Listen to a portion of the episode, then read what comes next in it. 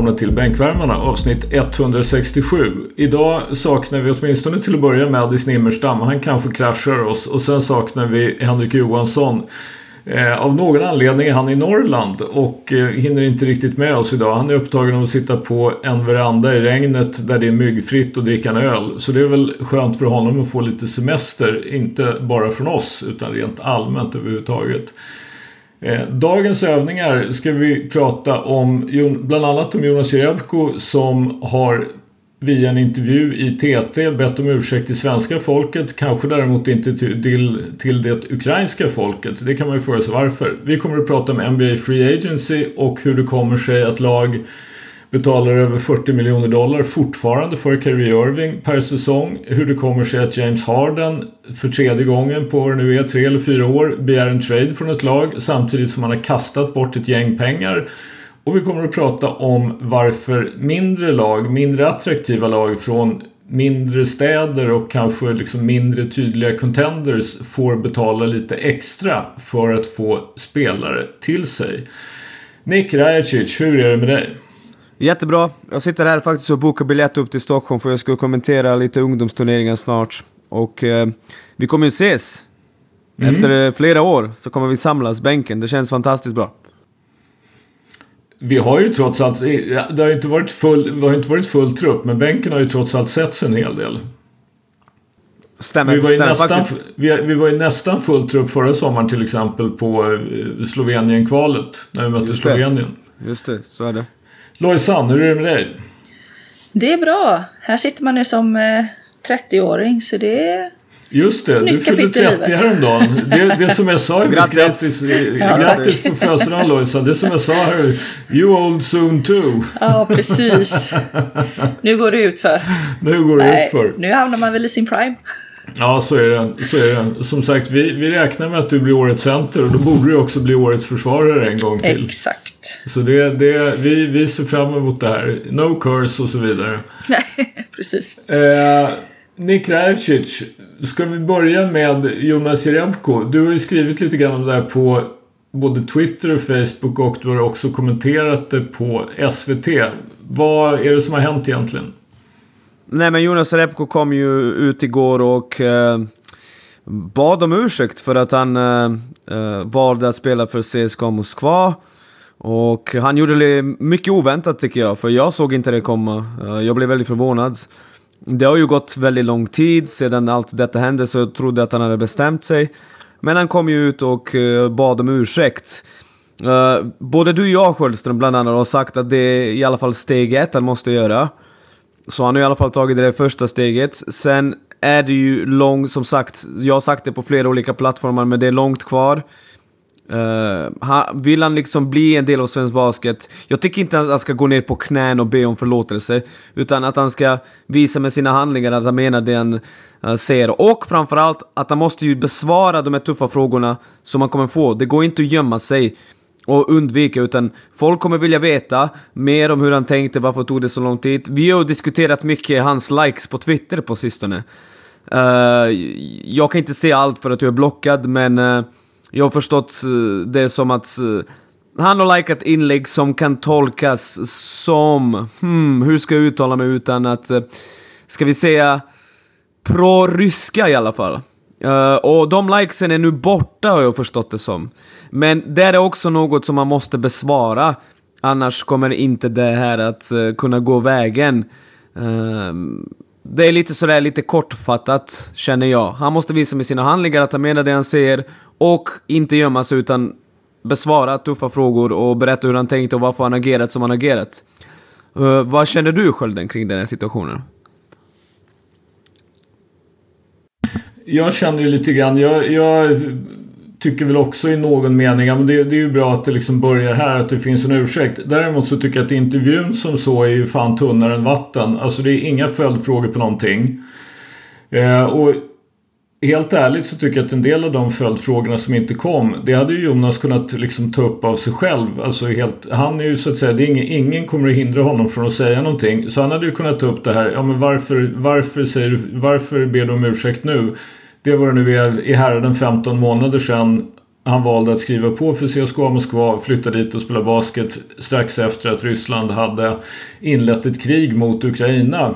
Och då är det ju så att, jag menar det är väl egentligen inte svenska folket han ska säga ursäkta till och förlåt i första hand utan det är ju det ukrainska folket.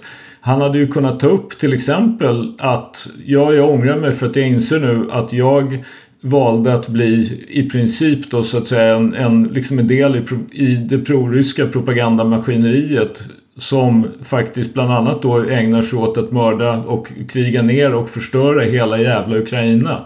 Alltså det är ju helt, det är ju hundratusentals människor som har dött. Det är miljoner som har flytt. Ukraina är ju alltså stora delar av Ukraina är ju en, är liksom en enda bombkrater. Det här tar vi inte upp överhuvudtaget. Sen eller han, rätt vi, han tar inte upp det överhuvudtaget och det kommer inga följdfrågor på det här. Det tyck, det tycker jag liksom är lite problematiskt. Så ja, alltså det är en början. Men jag skulle vilja säga att jag, liksom, givet att det är så pass tunt och visst fine, det är ju möjligt att journalisterna vinklat det. Men jag har svårt att tänka mig att, han inte, att journalisten inte skulle skriva om Jonas har tagit upp liksom skälet. Jag tycker att den här intervjun är väldigt fokuserad på Jonas och att han är dyster för att han är svartlistad av förbundet och att det liksom är det är en ursäkt under the gun på något sätt att liksom jo men jag fattar att liksom om jag inte gör någonting så kommer ing, ing, folk kommer faktiskt inte att glömma bort det här. Jag kommer att få leva med det här om jag inte tar ett första steg. Och jag tycker att han borde ha tagit ett andra och tredje och ett fjärde och ett femte steg också. När han ändå liksom då skulle, då skulle man ha kunnat börja känna att ja men det här är genuint. Gre grejen med det här är att, Louise, jag ska släppa in det alldeles strax, men grejen med detta är att vi vet ju inte alls vad som sades mellan honom och journalisten. Du har jobbat som journalist, Sköldström, och du vet att en sån intervju pågår ju säkert i över en timme. Och det är journalisten själv som väljer vad han ska anteckna, skriva ner och ta med i intervjun. Sen också, det där med att, alltså, förlåt Skölden. Det, det spelar ingen roll vad Jonas hade sagt, folk hade inte gillat hans ursäkt. Tro mig. Spelar ingen roll vem man hade riktat det till, folk hade stört sig för att de har ju byggt upp den här uh, ledsheten och animositeten. Oavsett vad han sagt så hade folk hittat något att störa sig på 100 000 procent. Uh, så... Uh, och, och, och, det, du, du, du, tror alltså att Jonas har tagit upp det här varför han ångrar så att han har bett ukrainska folket om ursäkt men att han, journalisten inte skrev det? Uh, nej, det tror jag inte. Men nej, återigen, det tror inte jag, jag heller. Nej, men vi har ju inte hela kontexten liksom. Det, det, bästa hade varit för honom att kanske ta en intervju live någonstans. Det behöver inte vara med oss i bänkvärmarna, men det där kan ju förklara, för en intervju kommer inte att... Uh, ja, det kommer inte att göra folk nöjda liksom. Utan han måste ju, han måste ju precis som du säger svara på fler frågor och förklara sina resonemang på flera olika sätt. Och som sagt, eh, besvara några mycket tuffare frågor än de man fick av eh, journalisten där. Ehm, men eh, ja, alltså det, det är ungefär det jag har att säga. Det är faktiskt inte så mycket mer än det. Vad säger du Louise? Nej men jag är med på, på ert spår och det, det är svårt det här ämnet också för att jag menar, allt som hände och så kommer den här ursäkten ett år senare. Men jag tycker också att det är ett första steg och, och det behövs komma en ursäkt från honom. Eh, och jag hoppas att han inser och att det är genuint det här att han faktiskt ber om ursäkt och att det, det blev ett snedsteg alltihopa. Sen tycker jag också att den här intervjun ger, lämnar lite mer frågetecken eh, också. För han säger i intervjun att han eh, valde Eh, att gå till CSKA för att fokusera på basketen och han vill ge en till chans att komma till NBA. Och lite senare eller längre ner i artikeln så säger han att nej men han valde att gå dit för att han ville eh, komma i form till eh, landslaget och sen kunna lägga skorna på hyllan. Så då blir det också lite så här okej. Okay, men vad var anledningen då? Nu ger du två olika saker så vad... Hur, hur genuin är den här ursäkten om du inte har en anledning till varför du faktiskt gick dit. Så det, ja, det är ja, svårt, ja, men jag tycker det är ett första ja, steg och alla förtjänar en annan chans, men ja. I, I min värld eh, kan, kan, man bara få reda på om man är genuin genom sina handlingar, tycker mm. jag. Alltså han kan ju säga, han kan ju säga alla de bästa eh, bortförklaringarna som finns. Eller det finns ju inga bra bortförklaringar här, men jag, jag skulle vilja säga att han liksom... Eh, jag gav ju ett förslag, det där med att skänka pengar. Jag vet inte hur han tänker. Jag vet inte hur förbunden tänker för att de kommer ju säkert vilja se Jonas göra uh, saker som visar på att liksom han, han, verkligen menar att det var inget bra beslut, att det var dåligt, dumt beslut mm. uh, och så vidare. Men uh, i, i, alla fall känslan är att de här kommande månaderna för Jerebko-förbundet kan bli riktigt jävla jobbiga och awkward alltså. Jag, jag vet inte, jag, jag har inte alls en bra magkänsla efter efter gårdagen ändå. Vad menar du med bra? Vad är det du inte har en bra magkänsla över? Uh, att liksom att uh, framförallt Jonas och Basketförbundet inte kommer liksom hitta uh, någon gemensam mark där uh, Ja, där Jonas faktiskt kliver ut och, och, och, och gör saker som skulle visa att han har samma värdegrund som förbundet. Ja, för det, alltså, någonstans är det ju så här. Det är ju Jonas som behöver ändra på sig och inte förbundet. Alltså, och då kommer vi in lite grann på det här med de problematiska likesen. Alltså dels, dels är det ju förstås problematiskt med proryska likes. För då blir det ju på något sätt som att Jonas har double down på att ja, men det var helt okej okay att signa med, med CSKA. Det är inget fel på Ryssland. Det är ju inte en åsikt som kommer att flyga. Sen har han ju även då liksom likat en del om, alltså en del bland annat då från Matt Walsh som ju är liksom en, en amerikansk kulturkrigare som bland annat är rätt duktig transfobisk. Jag roade mig med att kolla upp det här. att Alltså, tydligen är det så att ungefär 70 personer om året genomgår en så kallad könskorrigering i Sverige. 70 personer om året. What did they ever do to you? Alltså det, jag fattar inte, vad är problemet? Det är en liten, liten marginaliserad grupp som har otro, förmodligen så att säga genomgår enorma svårigheter som vi bara kan, knappt kan föreställa oss vad det innebär. Att vilja byta kön, att känna att man är född i fel kropp. Man genomgår tunga hormonbehandlingar och man opererar sig.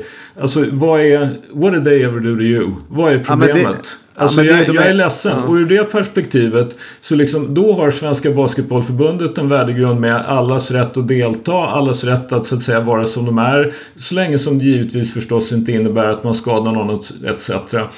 Och det innebär i det fallet, ja men om Jonas vill ha någonting med svensk basket och Svenska Basketbollförbundet att göra, då är det ju på något sätt han som faktiskt måste acceptera och ändra på sig. För Svenska Basketbollförbundet har ingen anledning att göra det. Ja, eh, jag tycker du sammanfattar det jättebra och ah, det som han gillar, det mycket, mycket grundar sig i, i konspirationsteorier och hatfulla ideologier om att de här människorna vill ge sig på barn. Alltså det är så hemskt att mm, liksom, man, kan inte, man kan knappt tro liksom att Jonas har uh, eh, gillat det. Så, så, så det måste han också förklara.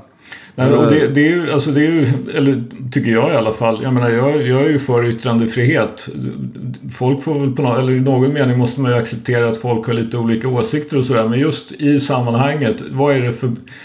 För mig är det otroligt svårt att se det här som så att säga...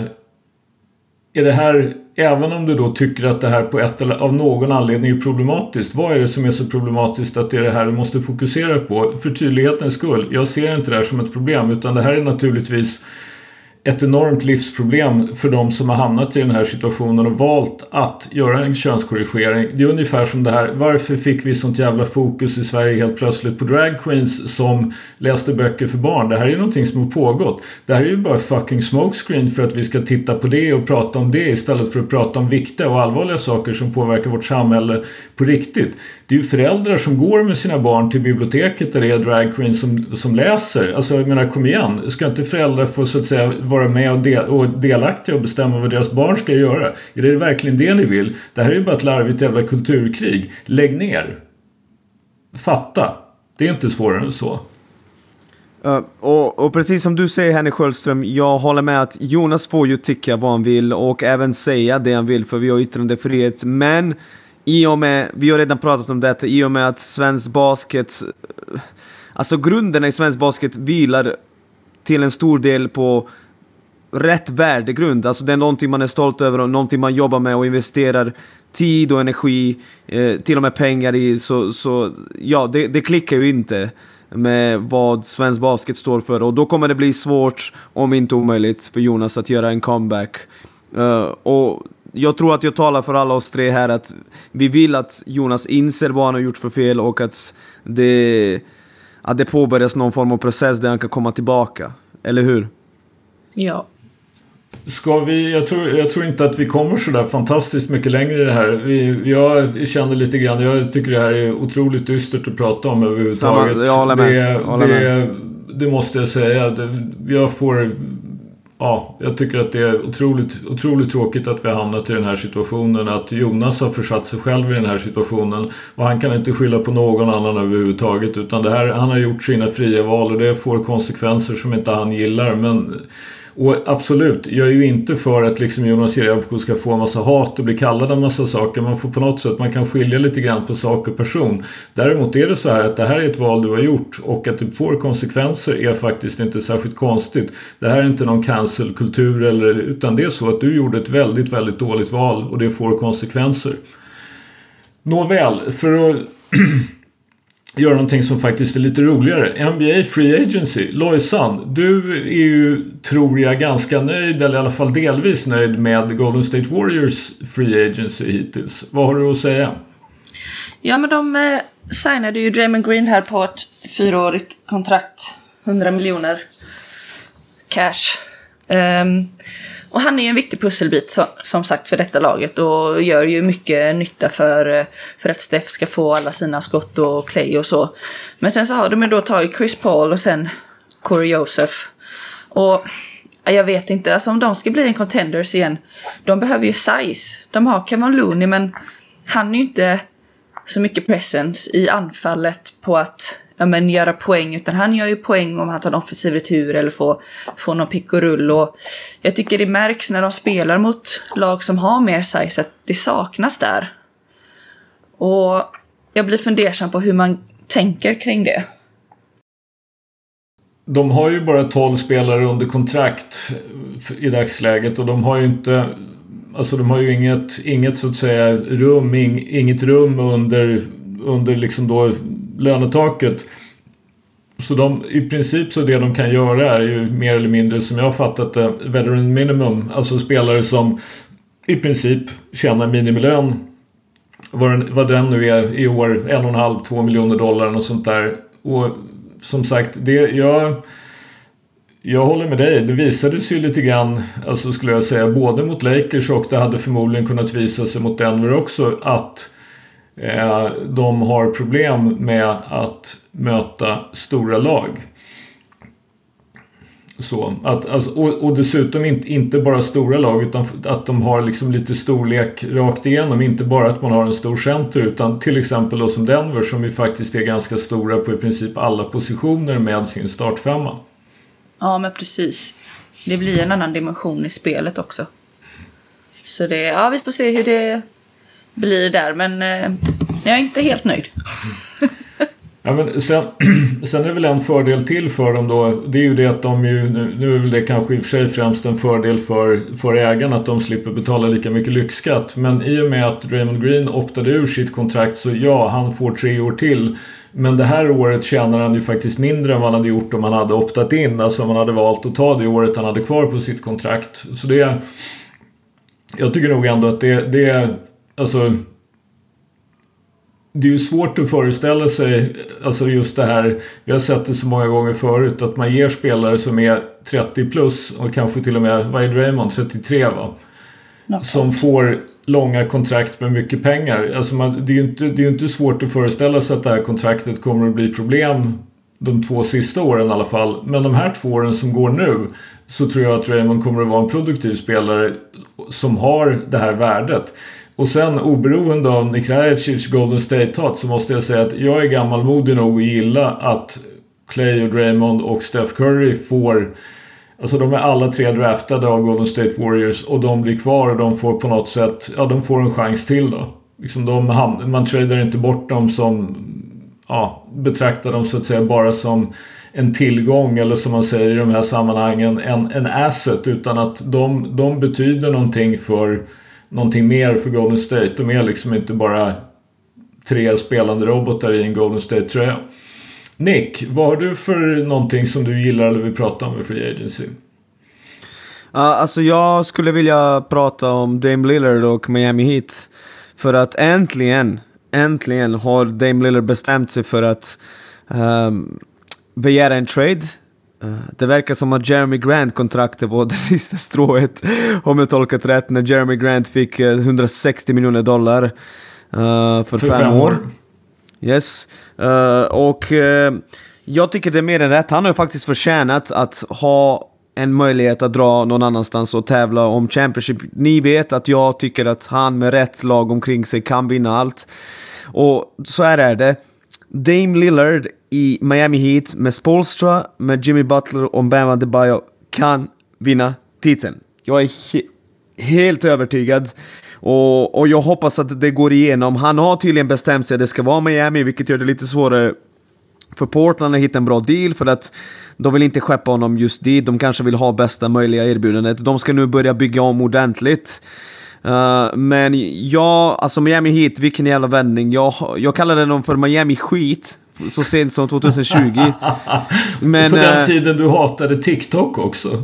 Ja, på den tiden jag hatade TikTok, exakt. Och nu, nu, the tables have turned, säger jag bara. Jag ser fram emot att se Dame Lillard i Miami för jag tror att de kan vinna allt. Och fan, om den dagen kommer där Dame Lillard håller i bucklan, alltså fan, jag kommer... Ja, jag kommer inte vara lika glad som LeBron när han vann 2016, men fan vilken glädje, för jag tycker att han... Om det finns en stjärna i den generationen som har påverkats av sin omgivning mest så är det Damian Lillard. Vad eh, tror du kommer behövas för att den här traden ska bli av då? För jag läste, om det var idag eller igår, att det här kan ta typ flera veckor innan de kommer överens om något. Det, det ryktas om att uh, uh, Portland inte vill ha Tyler Hero. Uh, Nej, det har jag också läst. Och det säger ju väldigt mycket om Tyler Hero. Ja. uh, han, han, är lite Jordan Poole-aktig. Han är ju i och för sig mycket mer effektiv och skjuter bättre från studs och allt det där. Men jag tycker det, det talar väldigt mycket om Tyler Hero och, och vad hans värde är där ute. Men uh, Ja, jag är ganska säker på om Dale Lillard vill spela i Miami, tyvärr, vi har kommit till en punkt i NBA där spelarna bestämmer själva var de ska dra. Vi har sett det med Kevin mm. Durant, vi har sett det med Bradley Beal. Bradley Beal hade i och för sig no trade clause. Men Dame Lillard kommer hamna i Miami. För att hamna någon annanstans så kommer jag säga ja, nej, jag vill inte komma hit och nej, jag kommer inte förlänga och nej. Jag vet att han har två år kvar på kontraktet men... Nej, han har fyra. Fyra! Inklusive, inklusive, ja, och det är ju det, det är där jag tycker att ditt resonemang om det här lite grann spricker. Han fick ju en tvåårig extension utöver just då det, det han, det han har. Det. Så det är ju så faktiskt så att en sak som de har gjort, alltså Portland, som de har gjort mot sig själva och lite grann mot Dame, är ju faktiskt det att Alltså Dame, vad är han nu idag? Han är 33 va? Han är född 1990. Ja, så kommande säsong så ska han alltså ha 45 nästa säsong 48. 2025, 2026, alltså året han fyller 36, ska han ha 58. Sen har han en player option 2026, 2027, det vill säga det året han fyller 37 på 63 miljoner dollar. Låt mig säga så här, det skulle förvåna mig mycket om han inte plockar upp den. Ja, men återigen... Och då, då är det ju så här att då är han faktiskt lite grann själv. Han hade ju alltså inga problem att så att säga säga till Portland att ge mig 120 miljoner till. Och ska man vara helt ärlig var det ju korkat av Portland att göra det här för det sänkte ju hans tradevärde. Det de skulle ha gjort var att sagt att nej, det är bättre att vi tradar dig nu. Uh, nu läser jag en tweet där det står “Report, it will get uncomfortable if Blazers try to trade Damian Lillard to a team other than Heat”. Precis det jag pratar om. Han... Uh, uh, det är säkert folk i hans camp som säger det där för att han ska hamna i Miami Heat. Och jag tror att det kommer inte bli bra om han drar någon annanstans. Han kommer ju säkert Ja, men så, så här var det, det här började ju någon gång för evigheter sedan när Kobe hade problem med Los Angeles Lakers och var på väg därifrån och det gjordes upp någon, någon, äh, det gjordes upp en, en, eller liksom man började skissa på hur en trade skulle se ut. Och när Kobe så småningom insåg att jaha, så de måste trada bort alla bra spelare de har, de som jag skulle vilja spela med och trada dem till Lakers. Så jag hamnar i samma situation i Chicago som jag är i Los Angeles Lakers just nu. Som jag inte gillar. Då var det ju liksom rätt värdelöst. Det är ju, det, det är ju förstås det som är problemet när man då som Dame om man liksom vill det är klart att det finns en tydlig konflikt här mellan och den konflikten visar sig också i att Portland valde att drafta Scoot Henderson istället för att trada bort picken mot någon annan. Alltså att de tycker på något sätt att ja, men om det är som vi tror att Scoot Henderson är en, en inte vet jag om han är All-NBA eller All-Star eller vad han är, men i alla fall en, en en spelare som kan bli 2025, topp 2025 i NBA. Då är ju det någonting att bygga på för Portland förstås. Så de tvingas ju då välja. Ska vi välja Dame som har varit här i 11-12 år. Som vill avsluta sin karriär här. Som har varit lojal och liksom allt vad det är. Men det finns ju en konflikt. Portland och Dame vill ju inte samma sak just nu. Faktiskt. Skölden, jag, jag har en fråga till dig. Låt oss säga att Damian Lillard hamnar i Miami med Bam och Butler. Hur stora favoriter är de uh, att vinna och vilka lag skulle du hålla före? Det jag, det jag, tycker är problemet med det där, det är att man inte riktigt vet vad Miami till sist måste göra sig av med. De har ju varit bra på det här att hitta odraftade spelare, men nu är de ju av med Max Struz och de är av med, eh, med Gabe Vincent som ju spelade tunga minuter för dem i slutspelet. Och det är ju klart att Dame Lillard är ju en, en klar uppgradering. Det är ju inte det, men vi såg ju i fjol liksom att till exempel att det var ganska svårt för eh, Kevin Durant och Devin Booker att ta sig över tröskeln mot Denver Nuggets. Och visst, då är ju Dame och Butler och Bam, det är ju en spelare till. Men du måste ju fortfarande ha fyra, fem spelare till för att ta dig igenom en grundserie och ta dig igenom ett slutspel. Det alltså måste Miami ge upp... Jag menar, de måste ju förmodligen ge upp Tyler Hero vad som än händer så att säga. I då, möjligen då till något annat lag än till just Portland. Om nu Portland inte vill ha Tyler Hero. De kanske måste dumpa Kyle Lowry för att överhuvudtaget få ihop löner. Vad hände med Duncan Robinson? Vad hände med någon av dem? De här, de draftade ju, vad han heter, Jamie Jack... Vad heter han? Han som de draftade i år. Jamie Jack någonting. Eh, Nikola Jovic. Alltså förstår du? Det är liksom... Vad, är de, är de lika strippade som Phoenix var i fjol, då är jag inte riktigt säker på det. Men om de får ihop ett vettigt lag och Dame och Butler och Bam så absolut. Då är de ju, då är de ju uppe där med Boston och Milwaukee i East. Uh, Utan tvekan. Grejen är att Miami hittar ju alltid ett sätt att gräva fram undrafted free agents som levererar. Alltså, jag tror nästan det är det de räknar med. Även fast Truce har lämnat och Vincent har lämnat och det är säkert fler som kommer lämna. Jag tror inte alls de är oroliga. För att de vet att de har ett system som utvecklar spelare och uh, kan, uh, kan, få ihop, kan få ihop. Plus att, att de har ju den bästa tränaren i, i NBA. Sen, sen uh, en annan sak jag måste säga, att Cleveland Cavs, vad fan håller ni på med? Först så ryktades det om att Darius Garland är på väg att tradas bort. Jag vet inte var det kommer ifrån, det är många som säger att det inte stämmer. Men bara att det cirkulerade gör mig jätteorolig. Och sen signade de Max Struz för 64 miljoner dollar. Cash alltså, baby. Men har Cleveland Cavs tittat på NBA-finalerna? Då kan inte ha gjort det. Vad är det Max Struz har gjort för att förtjäna 64 miljoner? Han var ju kass! Eller jag, jag, jag, varför är han 30 miljoner mer värd än Gabe Vincent? Vad är det Max Struz gör 30 miljoner dollar bättre än Gabe Vincent? Kan någon snälla upplysa mig? Jag fattar ingenting. Till att börja med så är ju Max Struz 6'5 och kan spela försvar på andra än vad Gabe Vincent kan. Och de har redan någon som Gabe Vincent. De har till och med två teoretiskt så att säga som Gabe Vincent i Donovan Mitchell och Darius Garland. Eh, så det, det, det, är väl, jag menar, det, är väl ganska, det är väl ganska uppenbart vad de tycker att de får av Max Struz. De får en snubbe som kan skjuta treor och kan spela försvar och är en snubbe som var med och tog ett lag som starter till NBA-final. Max Struz sköt jag, jag lyssnade på någon podd där de sa att han sköt katastrofalt dåligt från studs exempelvis, på treor. Så han är ju bara en ren catch and shoot snubbe som... Eh, han sköt inte vansinnigt bra procent. Kan du kolla upp det Skölden? Vad sköt han på treor? Han, han, sköt, han, var ju, han sköt ju dåligt i, i finalen, så är det ju. Han sköt 19% eh, från tre och 23% Oj. från golvet. Men, men jag menar grundserien? Eh, grundserien så sköt han... Nu ska vi se. Grundserien sköt han 43 från golvet och 37 från 3 och då sköt han ju Alltså. 6 trigger och 8 skott totalt. Så han var ju alltså 60% för 2. Så att säga. Ja. Men i och med att han skjuter så mycket trigger så sjunker procenten totalt. Vilken Ja, skillnad. nej, alltså, alltså jag, jag köper inte det. Och sen George Niang också, alltså jag fattar inte. Det känns som en klubb som inte har en jävla aning vad de håller på med. Uh, faktiskt. Och det är mig orolig, för jag har lovat att de ska vinna allt 2025. Ja, spännande lagbygge där just nu faktiskt.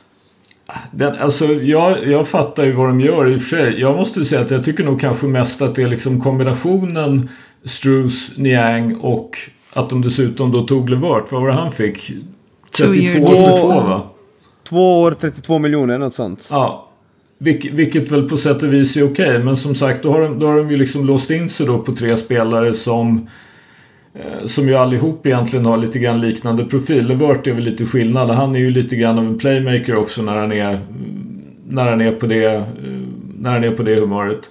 Men jag måste säga, alltså utifrån det är ju lite grann mina fördomar också. Jag måste säga att jag tycker faktiskt Niang var rätt bra förra året. Alltså Utifrån tycker- liksom vad, vad man har rätt att förvänta sig om du förstår vad jag menar. Ja, du, du vet att jag är en utpräglad uh, Niang-hatare. Eh, det har ju alltid Du vet, varit. du vet att han sköt 45% från tre mot Boston i, i, conference-semifinalen. Ja, jag Stor tycker också han respekt- gjorde det bra. Stor respekt för honom för att han har byggt en karriär trots att han är långsammare än mig just nu. Och jag har ont i ländryggen och kan inte röra på mig. Men jag har aldrig varit ett fan av hans game. Jag tycker bara att eh, för de pengarna bör det kunna... Alltså bör det finnas bättre lirare. Jag vet, jag vet fan, alltså han är ju långsam och sen det där eh, konstiga skottet, han måste ju sköta upp, Men det skjuta går öppen. i. Jag Det tänkte går säga det, det går ju i. Han Ja, men han måste, ju, han måste ju verkligen vara öppen för att sätta dem liksom, för han skjuter jättekonstigt och bara... Nej, gillar inte Niang alls. Men som sagt, ja, jag, jag förstår lite grann vad du menar men jag, jag är nog inte alls lika nere på dem egentligen som du. De, och dessutom tycker jag att de här shiningarna antyder att de absolut inte har för avsikt att trada Darius Garland. Ja, det hoppas vi verkligen, för då lämnar jag. För jag Amaro tror, jag tror i så fall, i så fall har det väl snarare varit rykten om att de möjligen skulle trada, att, som jag möjligen har lättare att föreställa mig att de kanske skulle trada eh, Jarrett Allen. Men ja, det tror jag inte riktigt heller på faktiskt. Utan jag, jag tror att det de försöker göra det är ju att adressera det problem de hade förra året. De saknade ju liksom en femte spelare som var just en, en, en vinge som kan skjuta treor och spela försvar. Det är, ju, det är ju det problemet de har försökt att adressera. Sen om de lyckas med det eller inte, det, det är ju då en, en annan sak. Men det här med kontrakt, det är ju jag som, som eh, boende på, eller i alla fall jag, jag bor ju inte där förstås, men jag har en hängmatta och ett residens på Dillon Brooks Island. Så är jag lite intresserad, det här är ju så otroligt sjukt, tänk att jag ska behöva titta på Houston, jag stod inte ut med att göra det i fjol. Men de har, dig alltså, faktiskt. de har alltså signat Fred Van Vliet för, jag tror att det var 130 till och med för tre. Ja. Och de har signat Dylan Brooks 80 miljoner för fyra år och sen har de signat någon till som jag inte kommer på på rak arm just nu.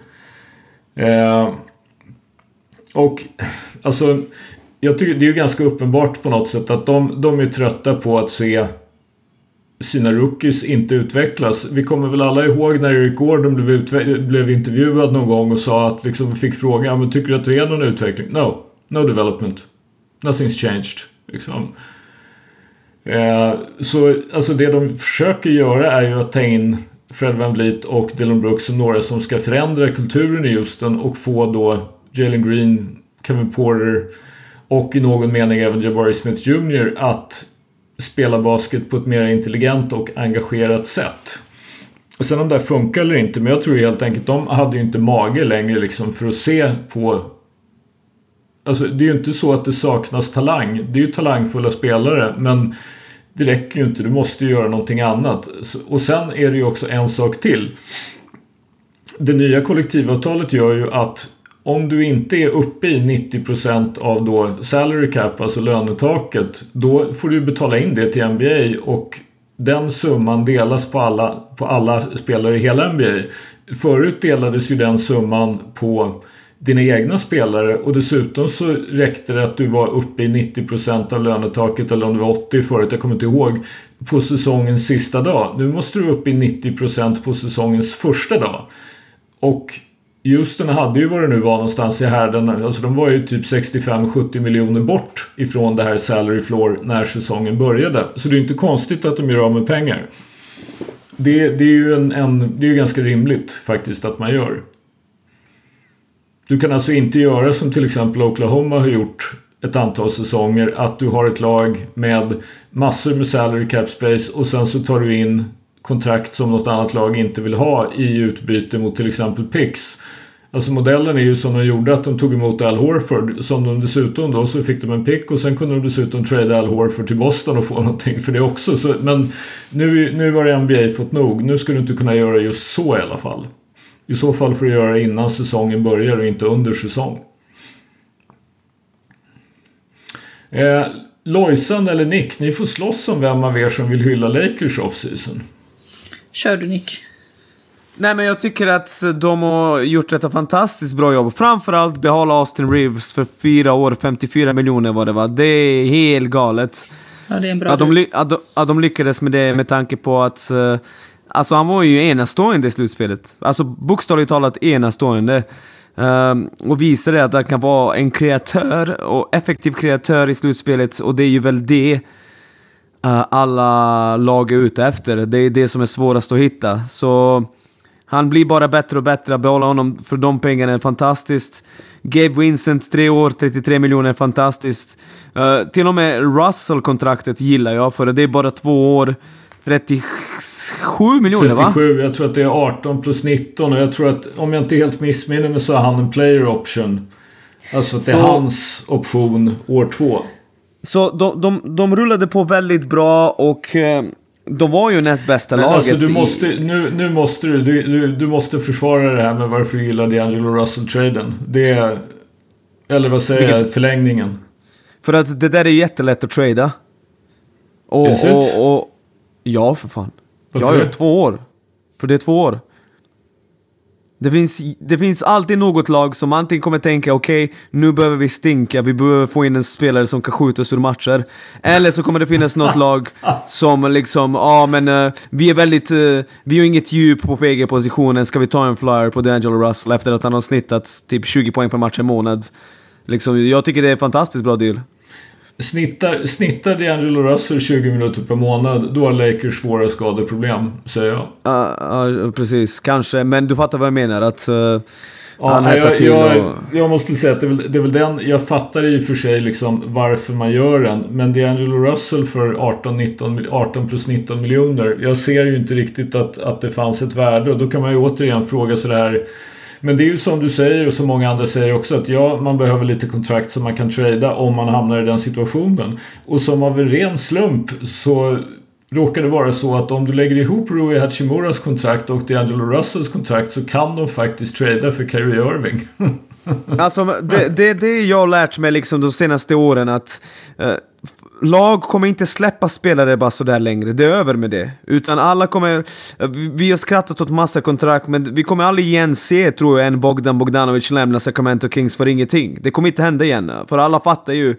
Spelar ingen roll, uh, liksom vad den här snubben vill ha och spelar ingen roll vad han levererar. Är han en spelare som snittar över 10-15 poäng per match och har kvaliteter så måste vi resigna honom. Sen dumpar vi honom för att få något tillbaka. Uh, så hellre behålla honom och sen försöka dumpa honom än att han försvinner för ingenting. Mm. Ja, som sagt, men apropå det här med dåligt skytte. D'Angelo Russell sköt 19% mot Denver, eller 19% från 3 mot Denver i konferensfinalen och gjorde ju sig själv unplayable. Men ja. Men samtidigt, innan det så sa folk att det var en succé-trade. Visst, visst snittade han typ 17 poäng, 6 assist under grundserien? Något sånt? 17-5? Ja, ja no, i, i Lakers ja, någonting sånt. Ja. Någonting, så... i, den, någonting i den härden. Japp. Så Lakers, de bygger vidare. Alltså de bygger vidare på något bra. De var andra bästa laget. Jag tror faktiskt de var bättre än Miami förra säsongen. Uh, och hade de mötts i en final, jag vet inte fan om Miami vinner den alltså. Uh, så bra off-season för Lakers, tycker jag. Ja, eh, för, för eftersom du hatar på Golden State jämt och ständigt tar frisedel och gör det så måste jag ju få säga det att ja, det... Jag måste ju också erkänna att jag, jag tycker också att Lakers har gjort det här bra. Men eh, mitt hopp återstår ju då till Anthony gjorde Glass Davis och LeBron 21 säsongen James. Att de ska vara skadefria och hålla när det drar ihop sig. Men det är ju inte, de lyckades ju med det förra slutspelet. Eller det gjorde de ju egentligen inte. LeBron var ju inte skadefri men han kunde i alla fall spela. Så det... Ja, we'll see. Då, mycket riktigt. I de sista 17 matcherna av grundspelet, av grundserien så snittade D'Angelo Russell 17 och 6 och sköt faktiskt över 40% från 3 då. Sen så försvann han ju i undan för undan ju längre de gick i slutspelet när, när det blev hårdare. Så det är, ja, men man behöver ju någon som är vettig i grundserien också om man ska få någon position i slutspelet. Har du något mer lag du vill ta upp Lojsan förutom Lakers? Ja, men jag tycker det, det har varit snack här med eh, i eh, Dallas Mavericks om vad som händer med um, Kyrie Irving och det var ju mycket snack i början om att ja, men han vill han vill inte där vara kvar utan han ska leta annat och se vad han kan få. Men det slutade ju med att han faktiskt stannar kvar. Eh, tre års deal, vad var det, typ 136? 126 eh, tror jag. 126. Men ändå, ja. Um, och det, jag vet inte, jag tyckte inte det funkade med han och, och Luca. Sen gick de om varandra lite där med, med skador och så men jag ser ju inte riktigt hur det här gör ett lyft för Dallas. Eh, men sen har de ju också signat och Seth Curry kommer, kommer tillbaka. Eh, Dante Exum och sen Dwight Powell är kvar men ehm, ja den här dynamiken med Irving och Doncic, jag, eh, jag är fortfarande tveksam på den. Men de kanske behöver fler matcher och ett helt år på sig för att det ska kunna bli någonting bra. Men att han stannar där, Irving, ja. Jag vet inte tusan. Jag vill gärna att det ska gå bra för Doncic, men jag har inte gjort det än. Mm. Eller den senaste säsongen, så att säga. Ja, de, har, de har gjort lite, de har gjort lite grejer får man väl säga. De, alltså, de lyckades ju bli av med Davis Bertans och sen så på något sätt, nu, nu får vi se då om, om om det här är rätt eller fel, men de tog ju in... Eh, de blev av med Davis Bertans för att trada ner från tionde plats i draften till tolfte. Men sen så tog de ju in... Eh, vad heter han nu då? Centern i eh, Rishon Holmes, centern från Sacramento för att kunna drafta med Sacramentos pick då 24 den här som heter Olivier Maxen, Maxens Prosper tror jag den heter. Alla säger bara O Max Prosper. Så jag kommer också säga O Max Prosper. Men så de har ju två, två första rundes draft picks och Rishon Holmes som center. Och så fick de då Seth Curry. Så det, i, någonstans känns det ju ändå som att Dallas är lite bättre än vad de var i fjol. Men är de... Det är ju som du säger Lojsan, på något sätt måste de ju få Doncic och Kyrie Irving att vara bra ihop. Och det var de ju faktiskt inte. De, de spelade ju relativt få matcher förvisso men ja, de var inte speciellt bra tillsammans. Nej, jag tycker inte det. Så det... Ehm, ja, det, det ska bli intressant att se hur de får ihop det. För de har ju ändå ett hyfsat lag runt omkring dem. Men de, de är så pass viktiga och liksom stjärnspelare att det... Klickar det inte där så blir det ingenting utav det. Mm. Så vi får se. Mm. Eh, jag avstår från att säga något särskilt om Chicago Bulls. Jag är otroligt tveksam till, till det lilla man har gjort och vad som egentligen kommer att hända om man kommer att trada någon av Zach Lavin och DeMar DeRozan. Så det finns inte så mycket mer att säga där. Däremot måste jag ju då som gammal Memphis-apologet trots att Dylan Brooks inte är kvar säga att det är en ruskigt intressant trade att Boston släppte Marcus Smart för att kunna få Kristaps Porzingis. Och det är ju till Memphis som Marcus Smart har gått och man kan ju säga att han ersätter då i praktiken både Dylan Brooks och Tyus Jones som ju är en annan spelare som var väldigt, väldigt bra för Memphis i fjol. Men Marcus Smart kommer ju då få Ja, han kommer ju få uppgiften att vara point guard så länge som Jamorant är borta och sen när Jamorant kommer tillbaka så kommer han att få uppgiften att spela försvar på det andra lagets bästa, bästa offensiva hot. Liksom match ut och match in. Så vi får väl se vad, vad som blir av det där. Men som bekant, jag gillar ju Marcus Smart och jag pratade ju en hel del om det här med i specialavsnittet, Bänken special, om Memphis och Celtics och Marcus Smart med Joakim Sander. Det avsnittet kan ni också lyssna på. Det hittar ni högt upp på Bänkvärmarna Spotify eller Podcaster. Så ska vi inte prata mer om Marcus Smart och Memphis just nu. Eh, har vi något sista på Free Agency eller ska vi gå till Hottex? Stort grattis till Russell Westbrooks kontrakt på två år, 8 miljoner. Stort grattis. Varför får jag för mig att du är ironisk? Nej, jag bara skojar. Jag tycker det är intressant Varför att de har ju... hatar du Russell Westbrook? Nej, nej alltså det gör det inte. Eller jo, nej, jag, jag bara ogillar hans spelstil. Men jag tycker det är intressant att de vill ha Harden och sen köra igen med Westbrook. Alltså hur många gånger ska vi se det där? Det funkar ju inte. Även fast om man har Kawhi och Paul George, jag ser fan inte det. Uh, rulla iväg hela Alltså, vägen till du, slutdestinationen. du, du som såg, du heter... såg inte Russell Westbrook i Clippers i fjol alltså? Jo, jag såg det i slutspelet där när han fick spela själv och då gjorde han sin grej, men det är ju samma sak igen där. Ja, han kommer hämta sina stats, han kommer briljera, men laget kommer ingenstans. Det är ju så det är. Om du fast, låter fast Westbrook att, jobba. Fast att Clippers torskar mot Phoenix när de inte har varken Kawhi eller Paul George. Men det var ju faktiskt så utan någon som helst tvekan att Russell Westbrook var Clippers bästa spelare i den serien. Ah, det var ju det var ju första gången jag så sett honom göra ett bra slutspel, om du ska vara ärlig. Och bara inte, alla, att alla hans procent inte går ner och drastiskt, eller inte drastiskt, men du fattar vad jag menar. Han, han spelade faktiskt bättre i slutspelet än vad han gjorde under grundserien, så Fram, shoutout till Russell Westbrook. framförallt var han ju helt otrolig i försvar faktiskt. Vilket, Var vilket var länge sedan man såg. Det minns jag inte, var han det? Ja, herregud.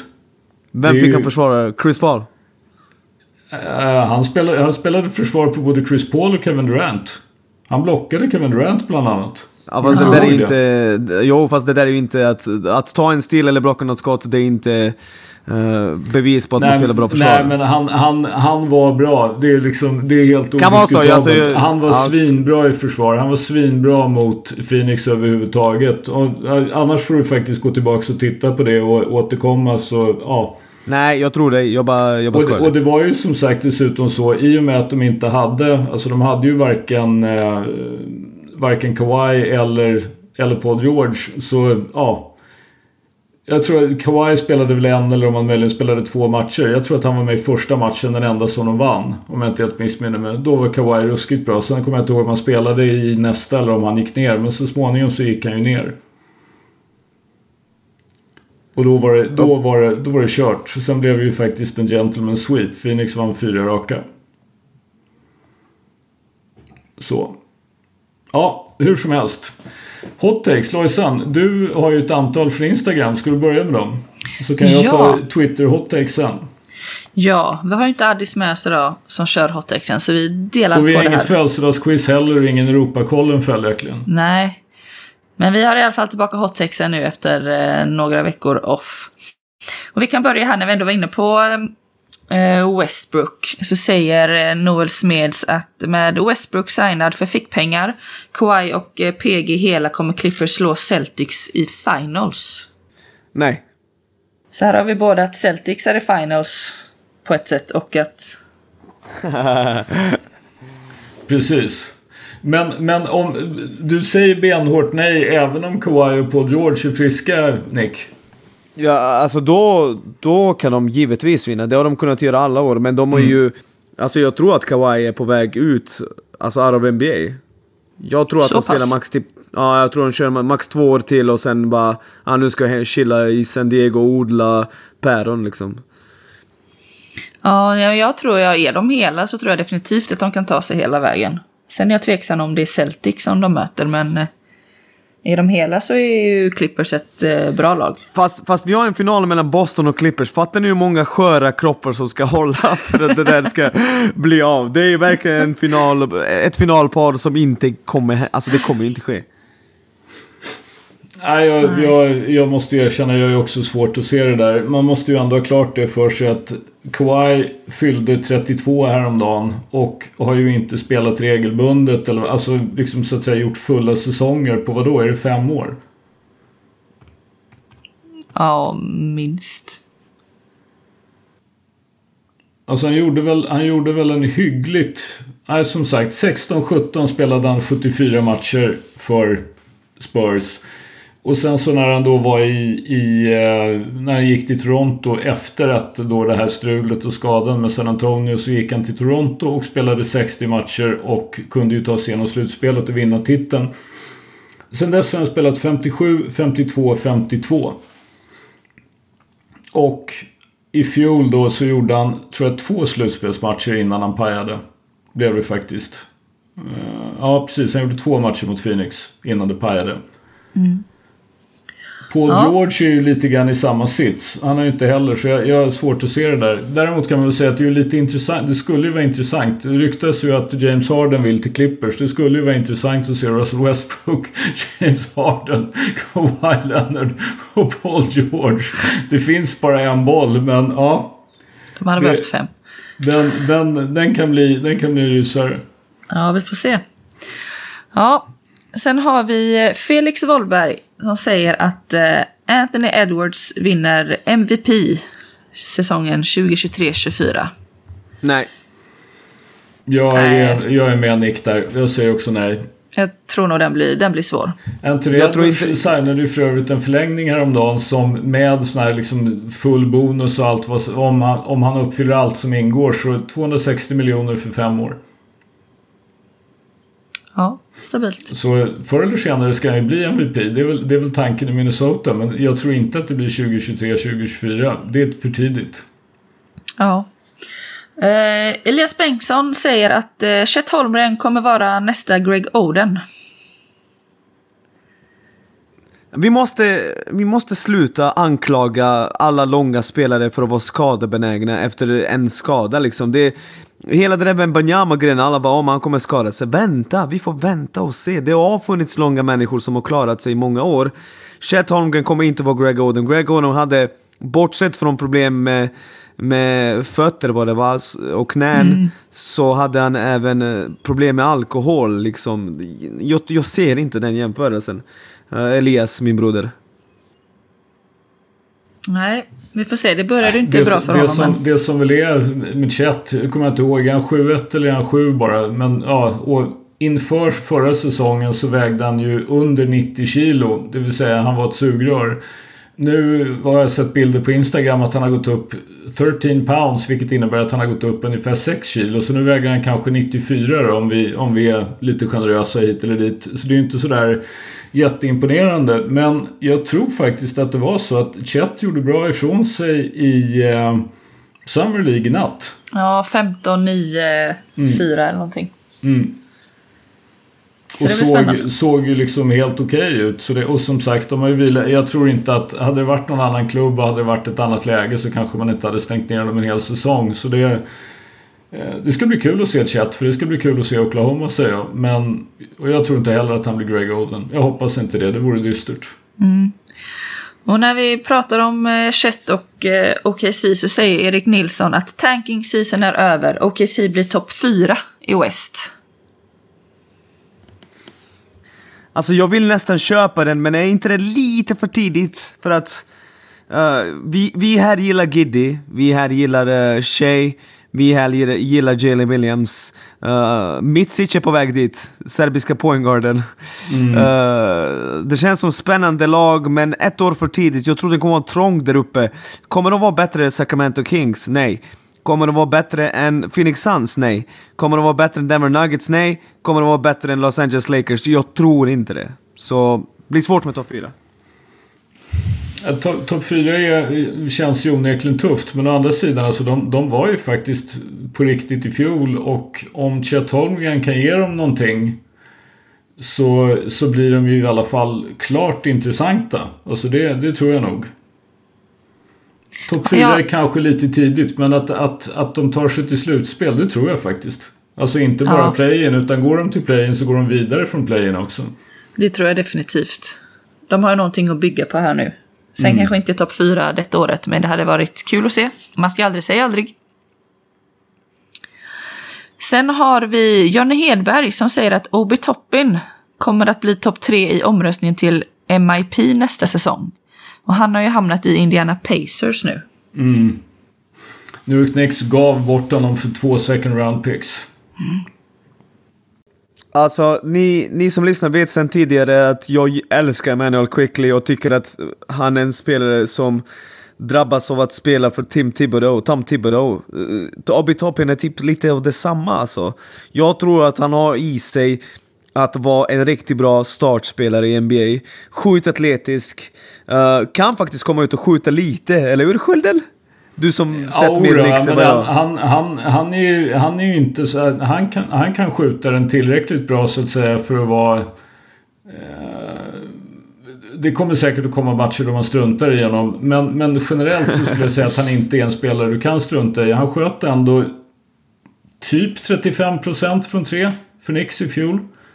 På relativt få försök. Men, men ja. Jag, och som jag sagt, han, är, han är atletisk och passar för att spela snabb basket. Jag är rätt säker på att Therese Halliburton kommer att, att se till att han skårar en del.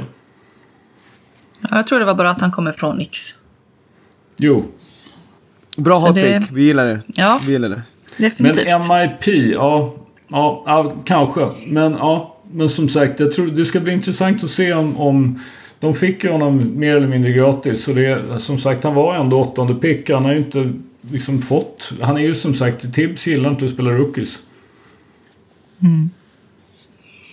Maja Kamsund säger att uh, Drummond Green förtjänar inte sitt kontrakt med Golden State.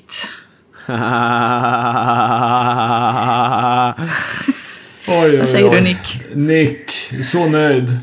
Vad mutade du Maja alltså, med Nick? Alltså, hans kontrakt är på fyra år. Det fjärde året kommer han vara 37 bast. Jag förstår varför Golden State behåller honom och jag förstår varför han får den dealen till en viss del. Men jag får en känsla av att det där innebär att man tar avstånd från de här yngre grabbarna. Och vi har hört talas mycket om det där att det finns ett äldre gäng och ett yngre gäng och det känns som att Jamie Green är den där snubben som blir less på unga när de kommer in och gör massa misstag. Visst, alltså ah, Louise, du har säkert spelat med den där veteranen när du var yngre som alltid blir less på yngre som, uh, som liksom uh, gör misstag. Så jag vet inte, alltså det där är ju nästan garanti för mig att Golden State inte kan vinna något mer. Men samtidigt, alltså Draymond Green är en av NBAs bästa försvarare. Uh, jag förstår varför Golden State behåller honom, men jag tycker att det är fan mycket pengar alltså. 25 miljoner per år. Damn. Alltså, jag är, jag är helt säker på att Raymond kommer att förtjäna sitt kontrakt i två år. Men år tre och fyra. Men det, det är ju som sagt, jag menar, det, det är ju det där. Vi har ju sett det förut med de här spelarna som är plus 32 eller plus vad de nu är, plus runt en, en, bit över 30 i alla fall. Det är svårt att få bra värde för de här sista åren på den, den typen av extension som du tving, mer eller mindre tvingas ge dem. Men vi ska ju också ha klart för oss det att om om man, om man som NBA räknar med med det här nya TV-avtalet att eh, lönetaket kommer att gå upp med typ 10% om året så är ju så att säga 25 miljoner Draymonds sista år är väl i häraden då av 17 miljoner i år. Eller 16 kanske. Alltså ja, relativt allting annat. Så det, det är ju förstås flera av de här extensions som inte är... Jag menar, Dame Lillard om han, hans 63 miljoner där 2026-2027 det kommer fortfarande vara över 30 procent av lönetaket så att säga för ett lag och ge honom 63 miljoner. Det kontraktet kommer ju förmodligen inte åldras särskilt bra men ja. Är, är, är det 25 miljoner som sagt, det, det, är en lägre summa. Man kan nog leva med det, liksom att, att Raymond får 25 miljoner sista året. Sen ja. tror jag inte att han kommer att förtjäna det de två sista åren, men de två första däremot. Ja, vi får se. Tomsky, 24, säger att när Trae Youngs karriär är över kommer han att ha haft en bättre karriär än Steph Curry. Alltså det, det där är ju bara ett... Uh, vi uppskattar folk som skickar in. Uh, Broder Tomsky, tack, men det där är ju bara ett insane påstående. Insane! Ja, jag ser inte det. Alltså det, det är, jag menar, Steff är väl liksom unisont den bästa skytten någonsin. Han är unisont om inte topp 10 så i alla fall typ topp 12, topp 13 all time redan. Och han är inte minst, är han ju faktiskt 10 cm längre än vad eh, Trae Young är. Och det, det, spelar roll. Alltså jag, jag ser, alltså Trae Young är superbra, det är inte det. Men att han ska bli typ topp 10 någonsin i NBA, det ser jag bara inte.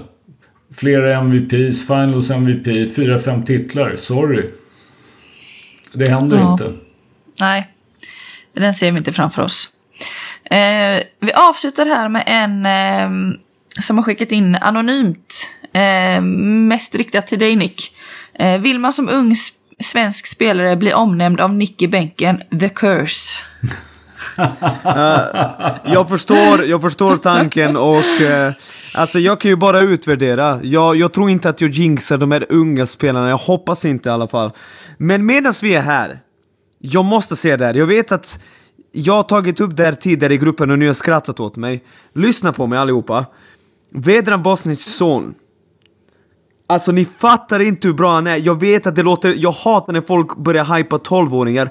Han är den bästa 12-åringen jag sett i Sverige någonsin. Det är insane hur bra grabben är för sin ålder. Uh, ni två, ni kan gå in på bänkvärmarnas uh, Insta, vi följer Vedran, han lägger upp stories. Alltså oh my god! Så jag kallar det här och nu, den grabben kommer bli något speciellt. Skriv ner det, vilket datum är det? Jag kallar det fjärde, juli.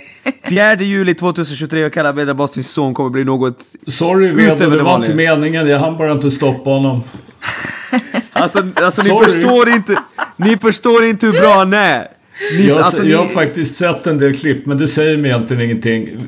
Hur som helst, sorry Vedo, det var inte meningen. Jag hann inte stoppa honom. Men kolla, han är 12! Han spelar ja, mot 15-åringar och dominerar liksom. Jo, jag, jag, som sagt, jag har sett ett och annat. Men jag säger fortfarande sorry Vedo, det var inte meningen. eh, vi har några hottex till från Twitter också. Magnus Stråle, denna gamla legend inom svensk basket av flera anledningar. Inte minst att han var den som drog tillsammans med eh, nu står du still i huvudet på mig. Jakob, jag höll på att säga Jakob Hård, det heter han ju inte alls. Jakob, eh, ja ni vet vem fan Jakob, det här är så pinsamt, sorry för det här. Men de drog igång Svensk Baskettelevision och sen så var Magnus klubbdirektör i Borås en massa år. Jakob Törnell. Precis, Jakob Törnell, tack. Sorry Jakob, sorry Vedo, sorry alla andra. Shoutout alla utom Skölden. Eh, Magnus Ståhle säger Lillard mot Harden är rimligaste traden. Och då skulle Varför? Lillard hamna i 76ers? Ja, oh, nej.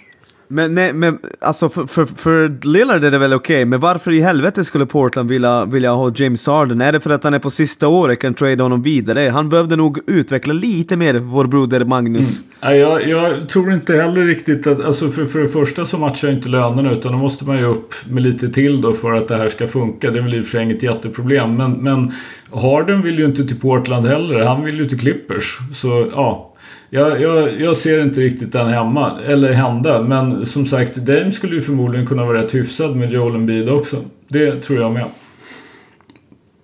Oscar Harrison säger LeBron till Saudi efter NBA 2024-2025 säsongen när de börjat satsa på basket i sin sportswashing.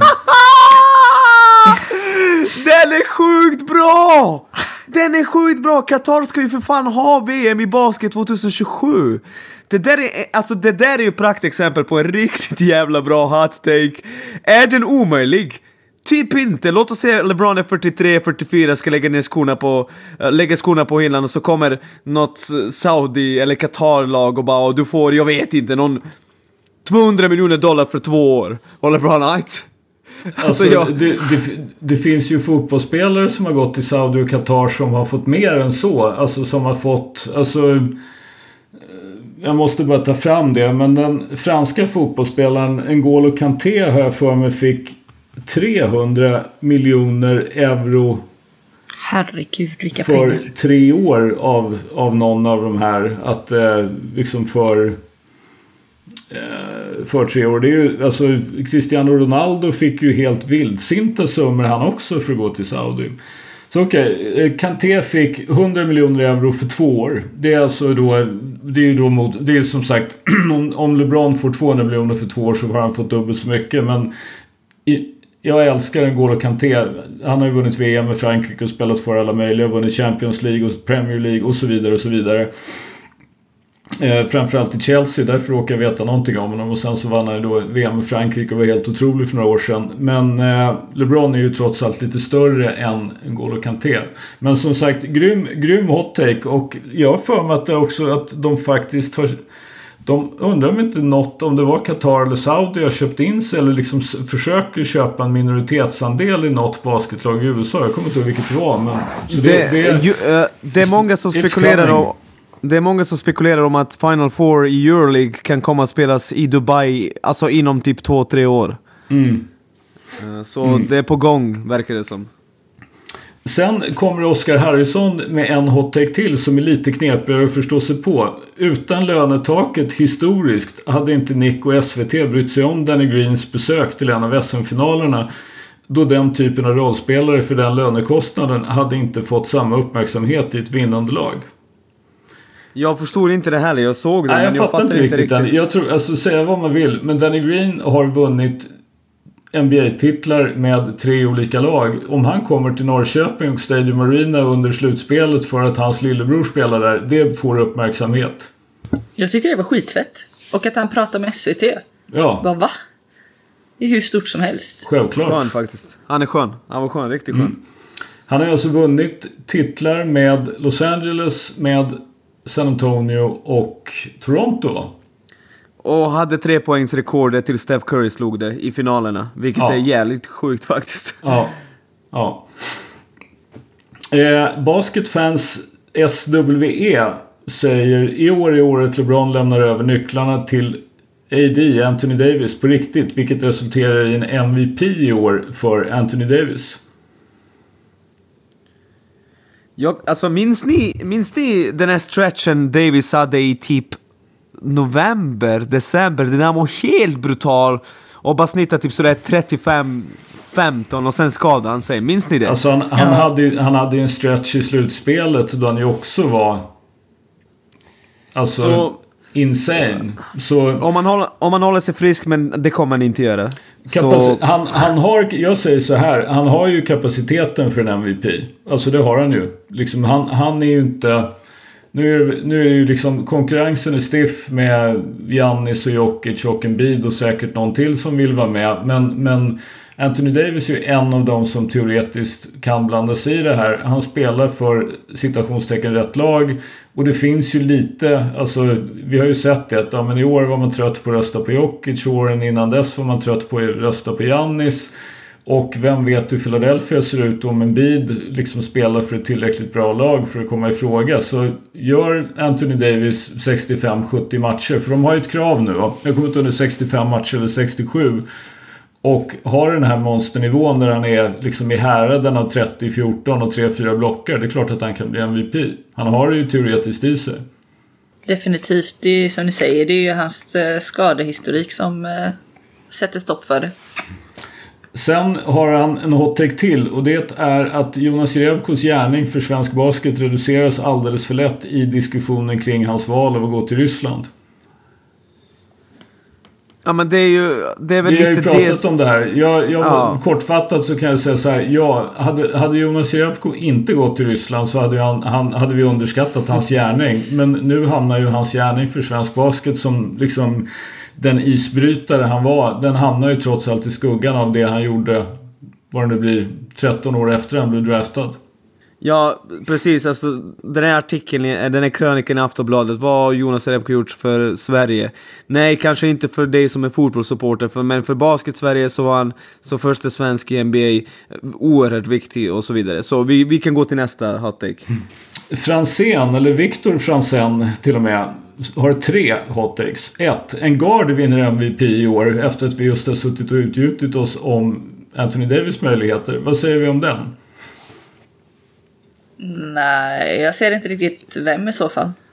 Jag zonade ut. Vem, vad, vad sa du Skölden? En guard vinner MVP i år. Jag kan se det hända om man, om man räknar med Luka Doncic som guard. Och jag kan teoretiskt tänka mig ett par till i och för sig. Men, men jag tror att det blir svårt. Jag håller med. Särskilt som man följer upp med hot take nummer två. Om Dame hamnar i Miami åker de i andra rundan mot Bucks. Fast vänta.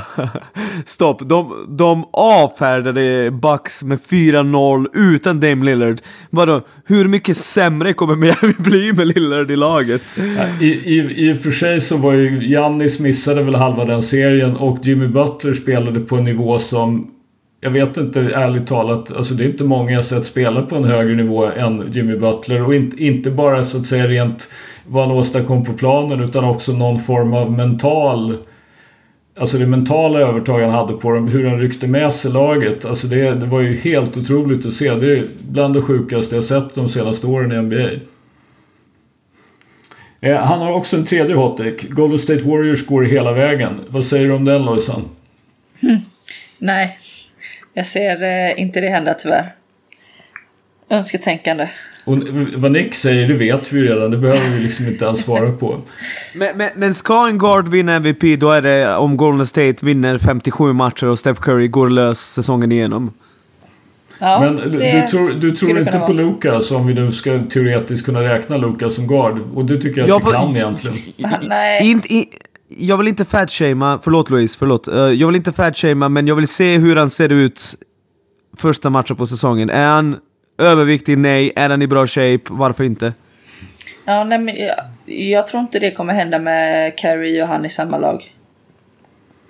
Ja, det krävs ju att man vinner en hel del matcher också. Även om, om liksom kriterierna är ju flytande och de ändras ju lite hit och dit. Men alltså jag, jag har svårt att tänka mig att man vinner en MVP om man inte är topp 4 i en av conferences. Om det inte är jag menar, om man är en eller två, alltså om det är otroligt jämnt och man kommer sexa men det är tre matcher bakom ettan, ja, men okej, då kan man kanske diskutera det. Men jag har svårt att se att alla ska vara så bra faktiskt i, i konferensen. Så det, men, men Luka känns ju ändå som teoretiskt en, en, en konkurrent om det här. Dagens sista hottake.